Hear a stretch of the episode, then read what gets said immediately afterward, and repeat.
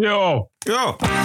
This is the TPO podcast. Waar is Wagnerbaas Prigozhin? hem Gerasimov! Poetin won met deal en grof geweld. Een einde inzicht van GroenLinks Amsterdam. Ik heb een ziek kind uit en dan krijg ik dit. Amsterdam. Aflevering 468. Ranting and Reason. Bert Bresson, Roderick Phalo. This is the award winning TPO podcast. Goedenavond Bert. Goedenavond iedereen. 26 juni.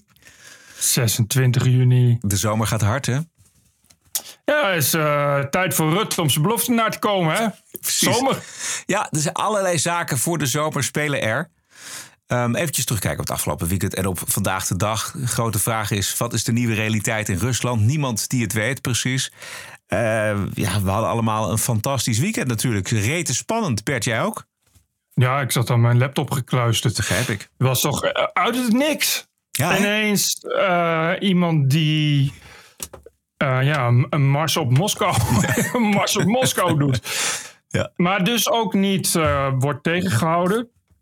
Nee. Hij kon uh, Rostov moeiteloos innemen en vervolgens moeiteloos doorrijden naar Moskou. Dus het was spannend, ook omdat uh, eigenlijk uh, was toch, ik denk dat want iedereen vond het heel spannend. Ik zag dat de Britten hadden een Cobra-meeting. Een Cobra, dat is een speciale crisisbijeenkomst en dat doen ze eigenlijk alleen in echt hele spannende zaken, echt noodtoestandachtige dingen dat was dus wel spannend. En het kwam gewoon uit het niets. Ineens Precies. was het zo. Ja, de conclusie dat Poetin, uh, dat dit toch een hele serieuze en onverwachte uh, bedreiging voor hem inhield. In enorme haast werden er wegblokkades naar Moskou opgeworpen. Graafmachines die de snelweg onklaar moesten maken. Het zag er allemaal heel erg ja, weinig professioneel uit. En, en, en inderdaad. Uh, er werd ook een brug gebombardeerd door Russische bommenwerpers. Om zijn opmars naar Moskou te blokkeren. Maar ja, nu werd ik, las ik ook weer dat, er toch, dat het niet bedoeld was als opmars richting Moskou. Zegt hij. Zegt hij nu, ja. Maar waar zit hij? Weten we dat? Nou, uh, nee. Uh, ik begrijp dat hij uh, een deal heeft met Lukashenko dat hij naar Wit-Rusland kan. Maar het lijkt mij niet dat Lukashenko iemand is van zijn woord. Dus het lijkt me, ja, ik maar weet Poetin niet, ook niet, volgens mij. Nee, dus die garanties zullen wel niks zeggen. Ik zou niet uh, bij ramen gaan staan. Want het lijkt me dat, dat Poetin, uh, die zal nu toch wel uh, gaan zuiveren. En dan zal Prigozhin wel de eerste zijn die eraan gaat. Ja, las vanavond zojuist ook alweer berichten van Laura Staring, oud-NRC-correspondent in, ja. in Moskou. die dan weer had gehoord via via dat hij toch in Belarus is en dat hij daar mag herformeren. Mogelijk om een ander front in het noorden van Oekraïne uh, te openen. Maar ja, ik zag ook dat Russische media melden vandaag dat de strafzaak tegen die Wagnerbaas uh, wegens muiterij gewoon doorgaat. Ja, en uh, dit is wel het grootste gezichts, gezichtsverlies uit de geschiedenis van Poetin. En Poetin kennende is de kans wel heel klein dat hij Prigozhin hiervoor vergeeft. Ja, dat denk dus ik ook. Kan me dat, ik kan me niet voorstellen dat Prigozhin hier veilig is. Dus die zal dan wel naar Afrika gaan, waar hij toch altijd graag zit, begrijp ik. Ja, dat heeft de, de Russische minister van Buitenlandse Zaken vandaag gemeld. Dat die Wagner-groep inderdaad gewoon uh, blijft ingezet in Mali en Centraal-Afrika. Uh, wat die mensen daar doen is dat zij de plaatselijke autoriteiten beschermen in ruil voor allerlei grondstoffen. Dus dat Ja. kan Rusland ook wel gebruiken. Kijk, aan de ene kant is het natuurlijk, is, eh, hebben ze bewezen bruikbaar te zijn. Zeker ook als je kijkt naar het front in eh, Oekraïne. Maar ja, aan de Ja. andere kant is, eh, we hebben natuurlijk de afgelopen dagen gezien wat een bedreiging het kan zijn eh, voor het imago, alleen al het imago van Poetin. Eh, daar zit toch wel een enorme kras op. En dat moet hij. Ja, en, heel en, erg. en hij is onvoorspelbaar dus. Nee, en dus eh, Rusland is kwetsbaar. Want dat, net, net hoorde je die bombardementen. Maar dat zijn dus Russen die Russen bombarderen. Ja, en dat is, dat is wat er gaande is. En dat gebeurt allemaal binnen 24 uur. En eh, voor zover ik begrijp is Poetin snel gevlucht naar Sint-Petersburg. Ja, Al zegt Peskov van niet, maar dat lijkt me sterk. Ik zou wel weg, weggaan als ik Poetin was. Dus dat, en, de, en tot nu toe is er natuurlijk altijd een enorm cordon opgetrokken van desinformatie en propaganda. En dat is nu helemaal weg. Dus zowel de Russen als uh, Russische, uh, Russische legerleiding, die toch al corrupt tot op het bot is, hebben nu nog minder incentieven om, om die oorlog voor te zetten. Dus ik, ik heb er weinig hoop in dat het überhaupt nog gaat, goed gaat aflopen. Uh, ik las uh, analyses erover dat het voor Poetin heel slecht kan aflopen. Zeker ook omdat de legerleiding dus inderdaad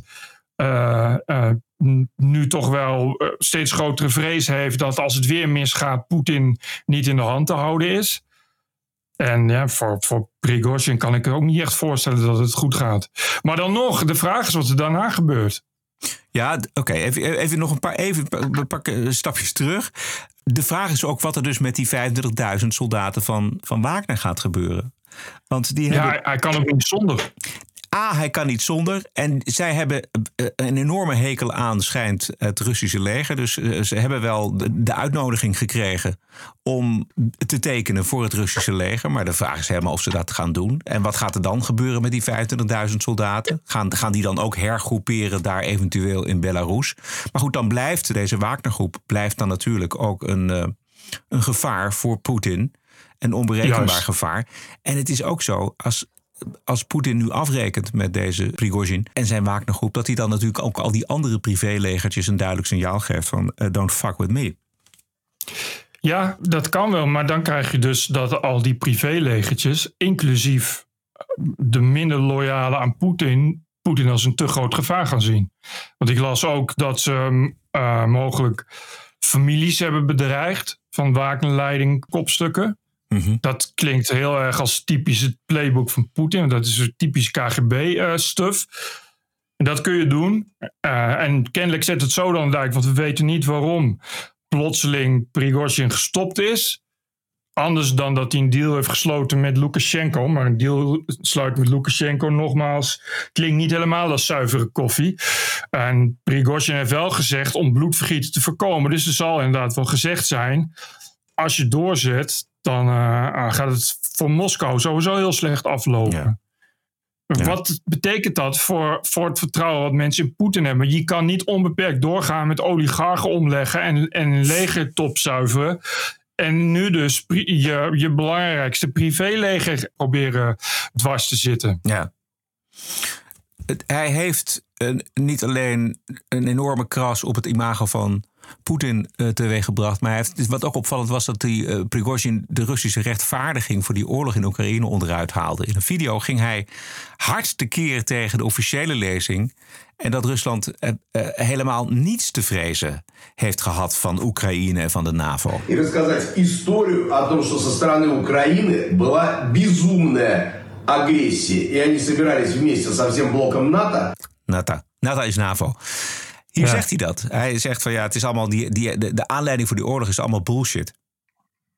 Ja, en dat is uh, behoorlijk pijnlijk, om, omdat het tot nu toe zo hoog mogelijk is, is gehouden uh, dat dat de reden was. Ja. He, dat dat, dat uh, Oekraïne moet worden gezuiverd van nazi's en, uh, en dat een NAVO-bedreiging is. En, en, dat is iets wat er breed uit dag in dag uit wordt gevoerd via uh, gecensureerde pers en staatsmedia. Die heel veel mensen ook meekrijgen. Ja, nu dus niet meer. En dat, is, dat gaat heel veel problemen geven. Ja, dat denk ik ook.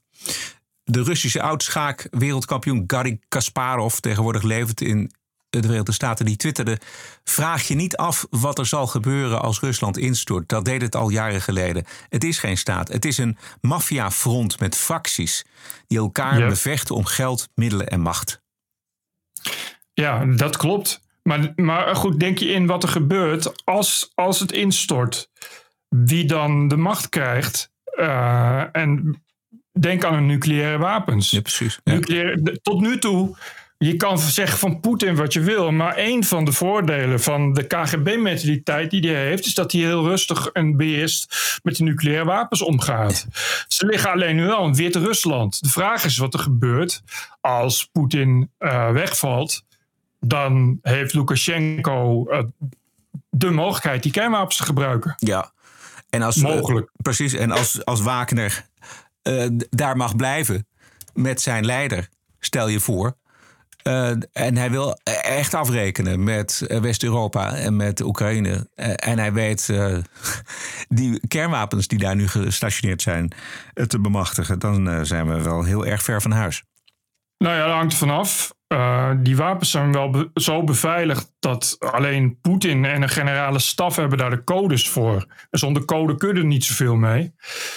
Maar de vraag is dus wie er aan de macht komt daarna. Ja, ja. Degene die aan de macht komt, als dat, uh, noemen ze wat, Kadirov is, denk ik niet dat dat heel prettig uitpakt voor het Westen. Had jij het gevoel dat, dat deze Prigozhin uh, daadwerkelijk Poetin opzij had kunnen schuiven? op, hij had wel een momentum. Omdat hij ook zware wapens had. Uh, ik zag een geweldige draad van iemand die verstand heeft van logistiek. En die legde uit hoe gehaaid Prigozhin daar, daarmee is bezig geweest. Hij heeft het uh, op zich lang genoeg gepland. Om het zo te plannen dat hij die trucks. Die, want het is een enorm konvooi. Dat hij die overal op het juiste moment kan bijtanken en kan bijladen. En hij, heeft ook, hij had ook allemaal diepladers met tanks. En dat is nuttig, omdat tanks kunnen niet hard rijden. Maar als je ze op een dieplader zet, kunnen ze mee met het konvooi. Dat kost een hoop diesel, dat moet je wel bijladen. En wat Prigozhin uh, heel goed kan, omdat hij al die jaren in Afrika heeft gewerkt, is een uitstekend netwerk bezitten van hele en half criminelen die hem dat kunnen leveren. En die tanks bijvoorbeeld, maar ook luchtafweergeschut. Hij heeft een, een, een hoop vliegtuigen neergehaald, waaronder uh, een, een, commando- en spionagevliegtuig wat op hele grote hoogte vloog van de Russen. En dat kun je alleen neerhalen als je een S-300 of een S-400 heeft. En dat zijn wapens die Prigozhin normaal gesproken ook niet heeft. Maar waar hij wel aan heeft gekomen. Dus hij was onderweg met zware wapens. En die zware wapens heeft uh, Poetin bij het verdedigen van Bastion Moskou niet. Dus hij had het kunnen doen. Hij had een heel eind kunnen komen. Of hij dat ook wil, weet ik niet. Nee de machtigste clan die nu gewonnen heeft, dat is natuurlijk de clan van, van Poetin. Uh, en hij draagt er zorg voor dat de legerleiding en de, en, de, en de economische elite ook en de geheime dienst zich aan zijn zijde houden. Dat is uh, tenminste de gedachte van de voormalige Britse ambassadeur in Moskou, Sir Tony Branton, afgelopen zaterdag bij Jimmy News. I, I do say this: the the Russian political elite at the moment, the people around Putin. Are almost certain to back him very firmly because if he goes, they almost certainly go very quickly mm. thereafter. So the, the defense minister, the head of the armed forces, the heads of the security services, all of them know very well that they have to give total backing to Putin. They have to ensure that Putin survives because their survival depends upon his. And that's one quite strong reason for believing that he will actually win out in this trial of force, which is now, now taking place. Hij heeft natuurlijk nog wel steeds de, zo lijkt het, uh, de machtigste mannen achter zich. De legerleiding, de geheime dienst en ook de economische elite. Ja, maar goed, die legerleiding is, is corrupt en verdeeld. Maar belangrijk is dat die gebonden zijn aan, aan, aan Oekraïne. En dat, dat is dus wat je zag. Iemand trekt op naar Moskou in noodtempo. Ja, dan heb je, dan heb je niks uh, in handen, want die ja. staan in Oekraïne. En ja. de rest staat in Azië. Ja. Dus, dus je kan er wel de legerleiding achter je hebben. Maar als je geen materieel hebt, en dat is natuurlijk het gevaar van, van dit soort huurlingenlegers. Dit zijn allemaal mensen die per definitie loyaal zijn, aangezien ze loyaal zijn aan degene die het meest betaalt. En daar is Prigozhin natuurlijk uitstekend geschikt voor. Ik zeg het nog maar eventjes voor onze dinsdagluisteraars. Het is vandaag maandagavond, tien voor half zeven. Dus er kan in een etmaal veel gebeuren. Uh, dit is wat wij op dit moment weten. Bert, weer nog een gokwagen van hoe dit af gaat lopen? Nee, liever niet. Want het is wel te ingewikkeld. Ja. Ik denk dat er helemaal niemand is die het weet. Nee. Maar het kan heel, heel, heel fout aflopen. Dat is dus het grote probleem. Dat, dit zag je op het moment dat Poetin echt in hele serieuze problemen zit, weet je gewoon niet, en niemand weet dat, hoe dat gaat aflopen. Maar dit kan heel erg, heel erg slecht aflopen. Op het moment dat je Poetin zo bedreigt, dat hij zich bedreigd voelt, is hij wel tot alles in staat. Ik ben, ik ben dus vooral benieuwd wat dit voor Oekraïne gaat betekenen. Ja, en voor de rest van Europa. Straks gaan we nog even een kijkje nemen bij de Knip in Amsterdam. Maar eerst een rondje asiel en migratie. Vandaag is uh, uitgekomen de tweede herziene druk van het rapport van onderzoeker Jan van de Beek. Vanmiddag uitgekomen Grenzeloze Verzorgingsstaat, de gevolgen van immigratie voor de overheidsfinanciën. Een paar jaar geleden is de eerste versie daarvan gekomen. En de conclusie is nog steeds dezelfde, al is de conclusie nog urgenter, namelijk met de huidige en toekomstige migratiedruk van mensen uit Afrika en het Midden-Oosten is onze verzorgingsstaat onhoudbaar. Goh. Ja, ik denk. ja. Uh, en dat heeft. Uh, dat is een pure berekening. Is dat uh, niet zo erg emotioneel, maar gewoon gekeken naar. ja, wat heeft het, het opgeleverd? Wat, wat dragen deze mensen bij aan de samenleving de afgelopen tijd? En wat kosten ze? En dan is het een eile kille rekensom eigenlijk. En daaruit blijkt dat de verzorgingsstaat die we nu hebben, dat die onder die migratiedruk ja, niet meer kan voortbestaan. En dat is iets wat natuurlijk in de discussie mee moet worden genomen. Is tot nu toe nog niet gebeurd, maar is, is wel uh, belangrijk dat dat gebeurt. En vandaar dat het belangrijk is dat het rapport in een herziene versie uh, opnieuw uh, gepubliceerd is. En gratis te downloaden is op de website van Jan van der Beek. Wat gaan ze ermee doen? Ik hoop dat linkse partijen dit zich gaan aantrekken. Want linkse partijen zijn meestal natuurlijk heel Precies. erg voor die verzorgingsstaat. Dus Precies. al- en als die op het, op het spel staat, ja, dan moet ook links zich daar zorgen over maken. En in ieder geval de eerlijkheid hebben om te vertellen wat er met onze verzorgingsstaat dreigt te gebeuren als we zo doorgaan. Ja, die verzorgingsstaat is natuurlijk wel eh, het paradepaardje van links. Of eh, laten we maar zeggen de kroonjuwelen. Hè, wat wat eh, de vrouwelijke premier voor D66 is, is de verzorgingsstaat voor de PvdA. Ja. Die dus, hoe je het ook wendt of keert en wat je er ook van vindt, ja, onder druk staat. Daar eh, is nu de, de, de, eh, een officieel rapport van, maar dat eh, had iedereen natuurlijk van, van zichzelf kunnen bedenken. Dus je moet daar wel iets mee. En ik hoop dat het journaal zich dat ook aantrekt. Dus dat, dat er stukken in kranten komen dat omroepen eh, dit aan talkshowtafels ook ter sprake brengen en eh, geven aan mensen als Brekelmans en alle andere mensen, ook op links, dat het gewoon een serieus item wordt. Het parool even niet, die hadden druk Nee. met de verjaardag vieren van eh Che Guevara. Jezus. ja. Is een rapport eh, waaruit blijkt dat de, de eh, verzorgingsstaat onder druk staat. Vandaag ook weer eh, dat er een stijging van 38% meer misdrijven van asielzoekers is geregistreerd. Vooral door Noord-Afrikaanse alleenstaande jonge mannen. Ja, en vooral kansloze asielzoekers. Dus, Juist. Er is nu negen jaar geëist tegen de man die in een opvanglocatie Zwijkhuizen in Limburg twee medewerkers van de asielopvang kokende olie in het gezicht heeft gegooid. Vanda- Vandaag heeft die man negen jaar horen eisen. Het eh, asielverzoek van de man was meermalen afgewezen. Het was een daad met voorbedachte raden, las ik. Want ehm, een van die medewerkers eh, die is voor haar leven verminkt. Hij stond ze echt op te wachten in de keuken van dat opvanghuis Ja. met hete olie. Een boosmaker van de eerste orde, omdat dit niet had hoeven gebeuren als het kabinet zijn werk had gedaan en deze man na de eerste afwijzing het land had uitgezet zoals dat moet. Ja, waar- waarom was hij er nog? Ja, dat is. Wat- wat- wat- hij is al meerdere malen afgewezen. Dus niet één keer, maar meerdere malen. Waarom, waarom is hij er nog? Waarom, waarom zit hij niet, eh, eh, als hij, er, als hij er wel is, niet op een, op een. Oh ja, nou ja, goed, dat weet ik niet. Of ik wou zeggen in de gevangenis. Maar waarom worden dat soort lui niet gewoon uitgezet? Ja, dat, daar hebben we het natuurlijk vaker over gehad. Dat komt omdat dit het, asielbeleid een eh, dossier is van de VVD, die daar gewoon helemaal geen item van maakt, ondanks alle strenge woorden die Brekkelmans nu uitslaat. maar dat is natuurlijk twaalf jaar een eh, sluitpost geweest. En dit soort mensen glippen er dan doorheen. Met alle gevolgen voor dien van medewerkers van de asielopvang. Schandalig. Ja, terwijl Erik van den Burg vrijdag in beantwoording op Kamervragen eh, van ehm Wiebren van Haga over eh, een lange reeks van geweldsincidenten in het AZC van Hardenberg, Heemseveen. Daar viel ook eh, onder andere een dode bij.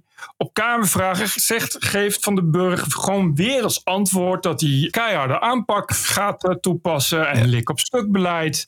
Noem het allemaal maar op. Het kabinet is er alles aangelegen om de rust en veiligheid in de gemeente Hardenberg te herstellen. Tegen asielzoekers die de gastvrijheid van Nederland misbruiken en voor overlast en criminaliteit zorgen. Past een harde aanpak. Waar blijft die harde aanpak dan? Ja, en maar wat houdt die harde aanpak dan in? Dat hoor ik niet. Dat is, hij wordt nooit concreet. Nooit. Maar ik, dat is gewoon raar. Dan moet gewoon een keer iemand zeggen: ja, laten we dan in elk geval die overlast aanpakken. Ja. Het gaat niet gebeuren, Bert, denk ik. Met deze, Nee. met deze staatssecretaris niet. Met dit Niet kabinet. met dit kabinet niet. Met dit Precies. kabinet absoluut niet. Eh, dus dat zou best kunnen dat er, wordt, eh, dat er voorgesorteerd wordt op een kabinetscrisis. Want er, ligt nog wel op het bordje van, van dit kabinet. Ja, maar er is ook goed nieuws. Mark Rutte wil misschien Oh, weer partijleider worden. Ongelooflijk, ja. In elk geval als Frans Timmermans, want die dreigt eh, bij nieuwe verkiezingen de kart te gaan trekken voor GroenLinks PvdA. Ja. En er is volgens Jan Hoedeman in, in eh, ik, ik las in, in eh, Parool, maar dat zal ook wel AD zijn. eh, zijn er bronnen die zeggen dat eh, die vraag aan Rutte is gesteld en dat hij heeft gezegd dat hij dan het gewoon nog een keer gaat proberen. Ja, maar dat, ik heb dat een keer gezegd. Jij, kan, je hebt voorspellende waarde, Bert. Maar ik, ik heb dit ook voorspeld. Ik denk dat het gaat gebeuren. Omdat hij. Er wordt dan gezegd van. Ja, weet je wel, hij gaat Ja. naar Brussel toe, et cetera. Nee, hij vindt dit het allerleukste wat er is. Hij wil premier van Nederland blijven. Zolang als hij leeft. Ja, maar een ding is wel dat hij dan waarschijnlijk geen premier wordt. Want hij moet dan wel de grootste partij worden, inderdaad. Even nog heel kort terug naar de eh, asiel en immigratie. Ik kreeg nog een mooi fragment van een pro-immigratie-demonstratie. alweer voor een tijdje geleden. in Engeland, in Groot-Brittannië. waar een man doorheen liep die de deelnemers vroeg of zij zich wilden inschrijven. om een vluchteling in huis te nemen. Refugees welcome here. I was just wondering if you'd like to go down on a list saying you're willing to take the refugees into your home. Of course not. Uh, only problem is I rent. Well, if I had any space, I If you would. had but any yeah, space. it would, wouldn't be. Right, Okay, rental. Yeah, yeah. You can't do it. Yeah, yeah. Someone else's job. Yeah. Yeah, alright, thank you. You adopt a refugee and take them into your home, No, I'm sorry, I can't. You can't take one? I don't have. I don't have. I don't. don't- have, I don't have a. you don't have the space. I- I- Excuse me, my love, will you go on my list of people that's willing to adopt a refugee? no, thank you. No, thank you. Excuse me, would you be willing to adopt a refugee into your home? Uh, no. No. Would you adopt a refugee into your home? no, thank you. No? Excuse me, sir. Would you be willing to adopt a refugee? Um, I would be willing, yeah, if I had the space. If yeah. you had the space. Yeah. So where should we put them then? Where should we put them? Yeah. Uh, there's a, uh, Mooi, hè? Moet je je voorstellen, dit is dus een hele groep de- demonstranten die echt roepen van eh, refugees welcome, et cetera, et cetera. Maar als je ze gaat vragen, goh, wilt u er eentje in uw huis? Dan roepen ze allemaal, ja, ik, ik huur, dus ik mag het niet. Of mijn man heeft eh, te Ja. veel ruimte nodig, of ik heb geen plek, of liever niet, of dat soort dingen, weet je. Weet je wie asielzoekers had? Meindert Venema. Aha, In zijn tuinhuis. Een half Syrisch gezin, geloof ik. Oh ja. Jarenlang. En die, heeft dus, eh, die was eh, eh, voor de gemeenteraad van GroenLinks in Bloemendaal. Bloemendaal, waar nu zoveel te doen is over de komst van asielzoekers. Maar die zei dus ook tijd van... ik heb zelf gewoon asielzoekers in mijn tuinhuis. Jullie zeker ook, jullie zijn van GroenLinks. Niet? Oh, wat raar. Het is, Weet je, waar, waar blijft hij? Heeft ook zo'n stuk over geschreven. Een lezing had hij toen. Daar schreef hij ook van. Ja, het zou tijd worden dat dan eh, die linkse elite daar ook eens een keer eh, wat laat zien. ja, goed hè. Maar heel grappig. In Heemstede, wat een soort Bloemendaal is, keer twee. Ja. Keurig, keurig villa dorpje. Met keurige oude jaren 30 huizen. Daar heeft de gemeente anoniem een te koop staande prachtige, ja, wat is het? Eh, Een soort Amsterdamse school. Zo'n prachtige, karakteristieke, pittoreske villa van 2 miljoen gekocht. Die villa was van een huisarts die, eh, die klaar was met zijn werk.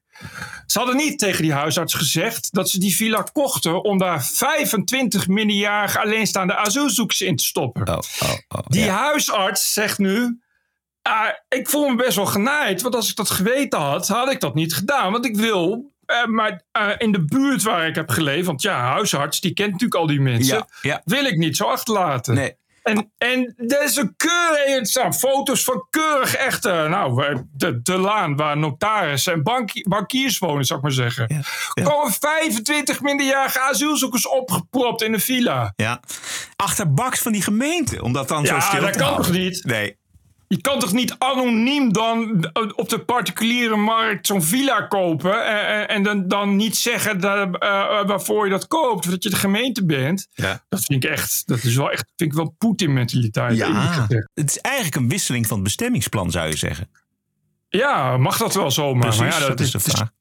Ja, dat, volgens mij eh, kan dat wel, hè, want ze wonen er gewoon. Ja. De bestemmingsplan is dat je er geen winkel of een hotel begint. Oké, nou goed, dit lijkt misschien een beetje op een hotel, maar... Ja, precies. Ja. Nee, maar er zullen ook genoeg eh, zaken worden gevoerd. Want dit soort mensen die weten de weg naar de rechter natuurlijk feilloos te vinden. Ze willen best asielzoekers, maar niet als het 25, jaar, 25 minderjarigen zijn. Dat wil je niet eens met Nederlanders. Nee. Laat staan, eh eh, hoe heet het, Ja. veilige landers. Ja, precies.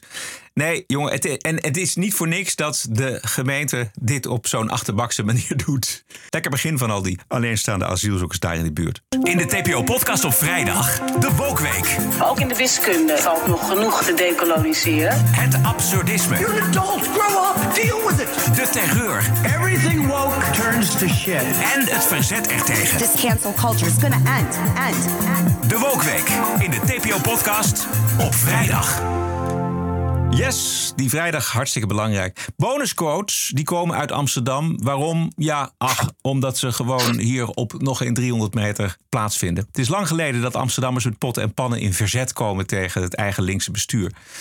Maar met eh, de week groeit het protest, vooral in de straten die ernstig te lijden hebben onder de, ja, het Vader Morgana-beleid van het college in zaken het eh, afsluiten van de grootste verkeersader van de hoofdstad met de knip. Wij zitten al twee weken met een file voor de deur. Wij wonen hier, wij slapen hier, wij ademen al die lucht in. En vooral de mensen die hier wonen worden knetter, knettergek ervan. Vanaf morgen rijdt ook de bus niet meer. En ook mijn buurvrouw van 89 die naar haar bingo-middagje wil, kan ook niet meer weg. Want die wordt niet meer opgehaald, want dan zijn ze drie uur bezig. En dat alles door een proef die nog eens vier weken moet duren. Vooral de afsluiting van de normaal zo drukke Weesperstraat schiet deze bewoners in het verkeerde keelgat. Ze hebben dus ex- extra groen hebben ze daar neergelegd voor die mensen. En heer bankjes, bloemen, prachtig.